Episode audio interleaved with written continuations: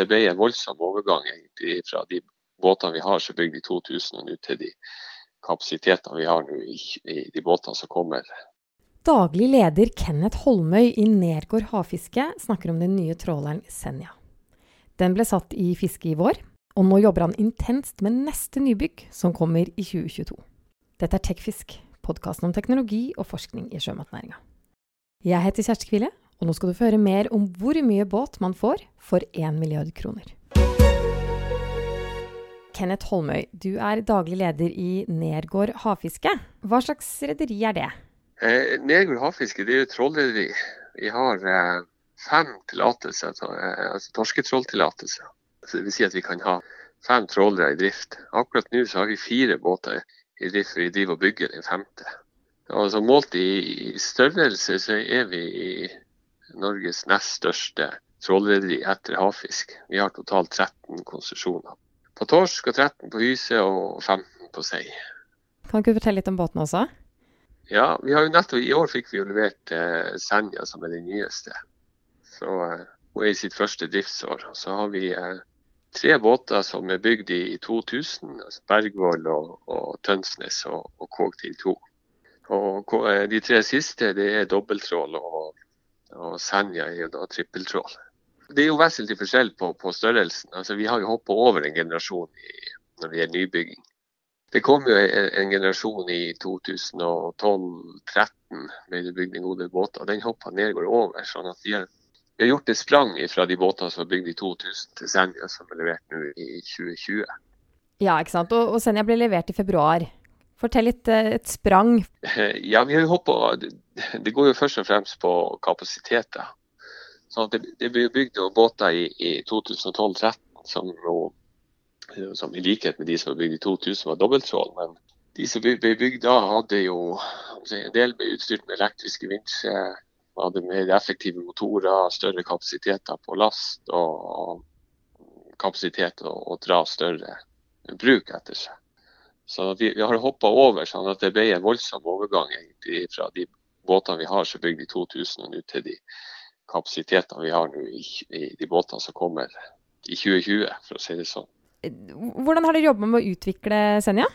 Havfisk hadde god erfaring med de båtene, de gadus, tre Gadus-båtene som ble bygd. Eh, og Svard i er mulig jeg tar feil på årstallene, men det er 2013-2014. Eh, og, og, så fikk de jo Nordtind, som var levert i eh, 18, hvis jeg ikke husker feil. Så det var det basert litt på de erfaringene vi fikk av Ari Josefsson inn fra eh, som hadde vært i havfisk og vært med og utvikla de båtene. sånn at det, det, var jo den linja egentlig som ble dratt videre hos Nergård. Så har vi jo Samherji på, på eiersida, som også har bygd eh, mange båter. Sånn at eh, De har jo også vært med på utvikling av Senja. Så eh, vi hadde masse god erfaring inn i prosjektet som gjør at vi nå har fått en, en, veldig god båt. Og Hvordan har den fungert da? Nå har den jo vært i drift noen måneder. Eh, nå fungerer Senja veldig, veldig godt og sånn som den skal fungere. Vi har jo hatt en innkjøringsperiode. altså jo, Vi tok henne ikke ut fra verkstedet før i slutten av mars. Eh, det har jo vært innkjøringsproblemer, og det er spesielt fabrikken. Men eh, ikke noe mer, eh, det har ikke vært noe unormalt mye, men, men, vi har brukt litt tid på å få den eh, opp og gå skikkelig. Og nå fungerer den så, som bare det. Så eh, Det har vært en, en krevende periode, men nå ser det ut som at vi har, nå er vi ordentlig i gang med Senja. Hvilke problemer er det dere har hatt da? Nei, det er litt vanskelig å beskrive. altså For de som har erfaring med fabrikk, så vet man at det er mange systemer som skal snakke sammen. Annet med pakkeriet så har du jo tre-fire ulike eh, leverandører som skal, som skal, snakke i lag. Og Det kan være utfordrende. Så vet jeg, Vi hadde litt utfordringer med å, å få eh, pakkeriet til å eh, skli skikkelig. Det har fungert, men, men det har vært eh, små stopp og, og, små problemer. Så har vi hatt eh, problemer hos én leverandør, og så har det, det blitt i orden. Og så har det vært så da neste leverandør fått problem, så det har gått liksom frem og tilbake. Men eh, vi har klart å løse det, og, og eh, leverandørene har stått på for å hjelpe oss. Og 100% av fisken skal utnyttes, ja. leste jeg. Hvordan får dere til det? Nei, da har vi et, altså, Du kan enten ha mel- og oljefabrikk eller en silasje. Eh, og, og, vi har valgt å, å, å gå for en silasje. Så vi ensilerer alt av eh, slog og, og haug og det som måtte være av avskjær eh, i forbindelse med produksjon. Så Det har jo også sammenheng med at vi eh, konsernet for øvrig, at vi valgte å gå for ensilasje. Vi, vi satser jo mye ellers i forbindelse med produksjon av sild og, og, laks nede på stranda, så har vi en del kompetanse å veksle og dra ellers i konsernet på, på det som går på silasje og restråstoff. Ja, for Nergård holder på med ganske mye? Ja, det, det er ikke bare trål. Mange, de fleste som leser eh, tekfisk, kan ha inntrykk av at vi bare holder på med trål. Men eh, vi har jo mottaksanlegg for hvitfisk og Norsk Sjømat, som er største eier, de driver med videreforedling av laks nede på stranda. Og så har vi Lofoten Viking, som driver med hvitfisk. Og bl.a. tørrfisk og, og sild nede på Værøy. Så, så, vi har ganske mye vi holder på med. For det, nå er det jo nettopp blitt klart at Nergård slår seg sammen med lakseselskapet Norsk Sjømat, som du nevnte. Ja. Eh, det er vel egentlig bare en formalitet. Altså, vi jobber veldig godt i lag i, uten ei sammenslåing, så det har ikke noe sånn praktisk betydning for drifta. Litt tilbake til Senja, da. Dere har gått for diesel-elektrisk fremdrift. Ja. Hvordan har det fungert? Eh, det, det har fungert veldig bra, og sånn som, så vi forventa. Nå du har vi altså alt av maskineri og fremdrift, og det har fungert helt upåklagelig. Vi har ikke hatt noen problemer med det. Og hvilken, altså hva, hvilken nytte har dere av det? Først og fremst er det jo, altså, vi er jo veldig opptatt av miljø. og det, det, Vi er jo avhengig av et rent hav og ønsker lavest mulig eh, avtrykk. Da var det jo naturlig å, å gå for en løsning som dieselelektrisk. Mm. Men Har dere sett noe utslag på det? At, uh... Ja, vi ser at at Senja som, bruker ikke noe mer drivstoff eh, enn de andre båtene, sett i forhold til det vi fanger. Tvert imot så bruker de mindre. Og, og, Det er jo ganske utrolig når du tenker, du ser på størrelsen på båten og, og, ikke minst størrelsen på hovedmotoren. Og nå er dere i gang med enda en ny båt. Ja. Fortell om den. Det er en kopi av, eller en forbedra utgave av Senja. Det, det er akkurat samme samme båten vi bygger. Men vi har jo gått gjennom altså Detaljprosjekteringen har vi jo gått gjennom og gjort en del mindre endringer. Men ellers så, så er, vil alt være likt, altså, i grove trekk. Ja, og hvor, hvor, er den i løypa da?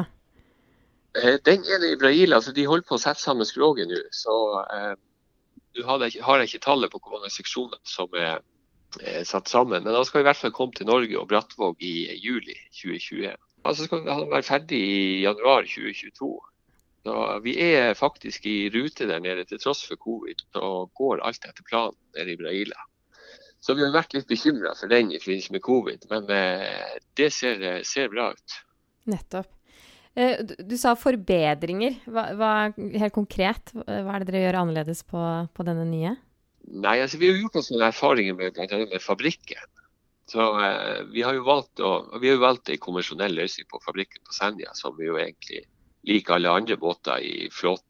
Eh, men det vi har sett, og, løsninga er lik på alle våre båter, eh, vi sliter med å få ordentlig Når vi har mye fisk, så sliter vi med å få ordentlig flow til sløyemaskinene. Man har et eh, For å snakke stammespråk, så har vi tverrskips mating av sløyemaskinene. Sånn at det ja. Da på tvers av båten blir det Ja, på tvers av båten. Og så står de tre sløyemaskinene står langs ett bånd. Så at han som står på den sløyemaskinen som er lengst unna, han kan ofte bli fri for fisk. Og vi ser det at han utnytter kanskje bare så lite som 40-50% av klipen når karusellen går rundt.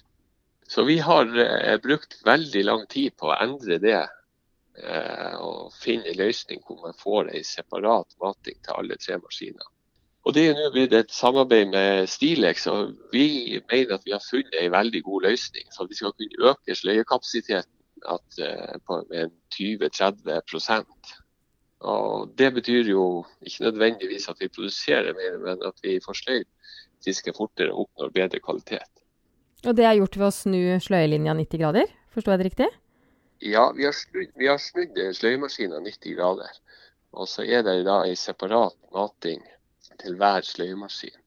Og da skal vi bruke en rullegreide som vi eh, skal sortere fisken med til de ulike maskinene. Vi har to standardmaskiner, så har vi en storfiskmaskin. Og, og, eh, og, så har vi da tre kar kan du si, til hver, eh, hver sløyemaskin.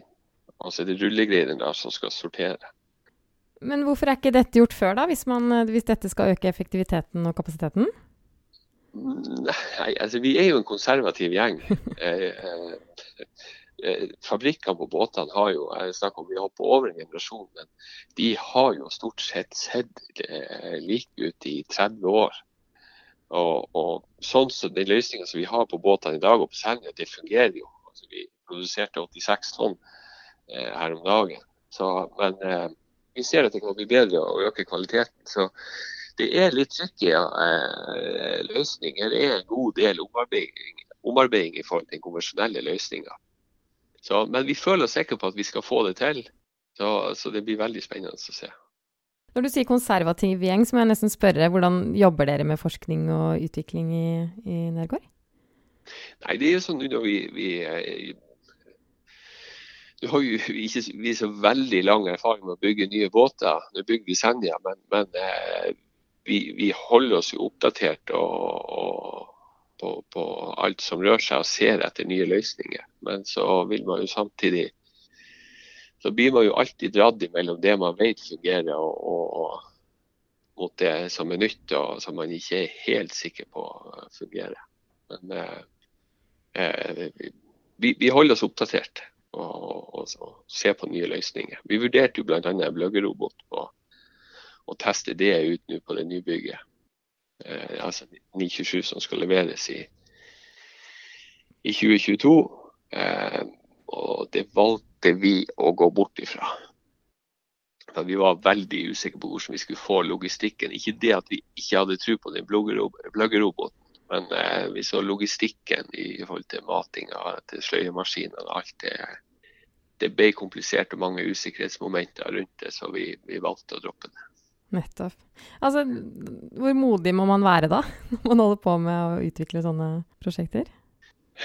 Eh, ja, altså du, du trenger altså, vi, Den vurderinga vi gjorde, at vi kunne lage en dobbeltløsning hvor vi hadde konvensjonell Eh, løsning på, for å mate sløyemaskiner, skulle vi ha løggeroboten i tillegg for å teste det. Og det var vi nødt til å ha i tilfelle vi skulle gjøre det, at han ikke kom til å, å fungere. For da ville produksjonen stoppa helt opp. og Vi ville hatt et kjempeproblem og måtte ha gått inn og, og, og bygd om. og Det ville ha kosta oss en masse tid. Eh, og så var det det, Skulle vi ha i dobbeltlinja, så kom det til å ta så mye plass at det gikk på bekostning av andre løsninger vi hadde lyst til å ha om bord, bl.a. i forhold til rødfiske. Sånn at det ble så mange kompromisser her, uansett hva vi valgte å gjøre, at vi, vi gikk bort ifra det. Eh, som du nevnte, så har dere jo ikke hatt så mye erfaring med nybygg i det siste. Det er 20 år siden forrige.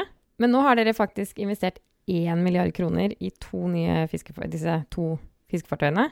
Og så så jeg i eh, årsberetningen deres fra i fjor at dere planlegger Ytterligere investeringer, står det, i nye fartøy. Hva skjedde? ja, altså, vi planlegger å fornye hele flåten. Altså, vi skal, alle båtene skal fornyes. Altså, disse bygd i 2000 skal på et eller annet tidspunkt ut.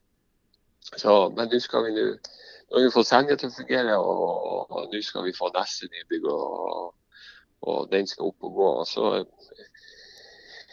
vi, vi, forsøker jo å tenke framover og langsiktig, men samtidig lever vi veldig i nuet. Vi får levert neste nybygg. Klart det er torskeprisen 20 kroner eller 25 kroner og hysa 10 og, og Seien 5, så er det helt uaktuelt å, å, å begynne å, å, beslutte et nytt nybygg.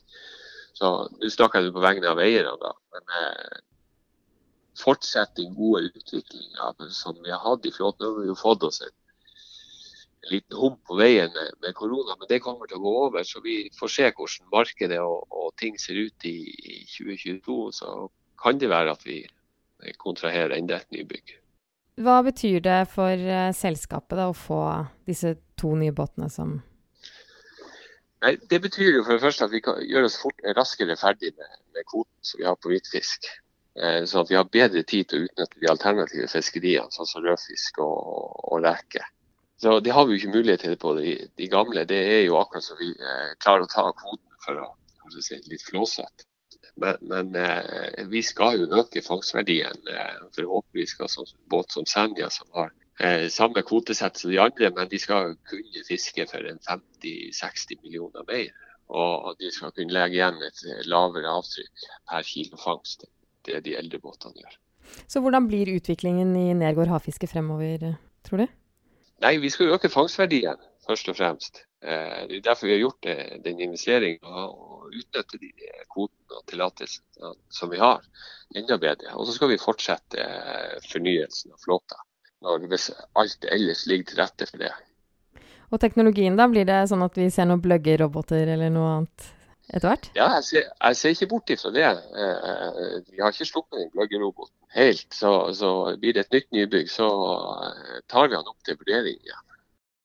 Du har nå hørt på Tekfisk, podkasten om teknologi og forskning i sjømatnæringa. Forrige uke snakket jeg med havforsker Peter Haugan om verdenshavene som sliter om forskere som ikke lenger bare kan beskrive den dårlige tilstanden i havet, men faktisk må finne løsninger. Den finner du på iTunes og Spotify, eller der du vanligvis hører på podkast. Vi høres!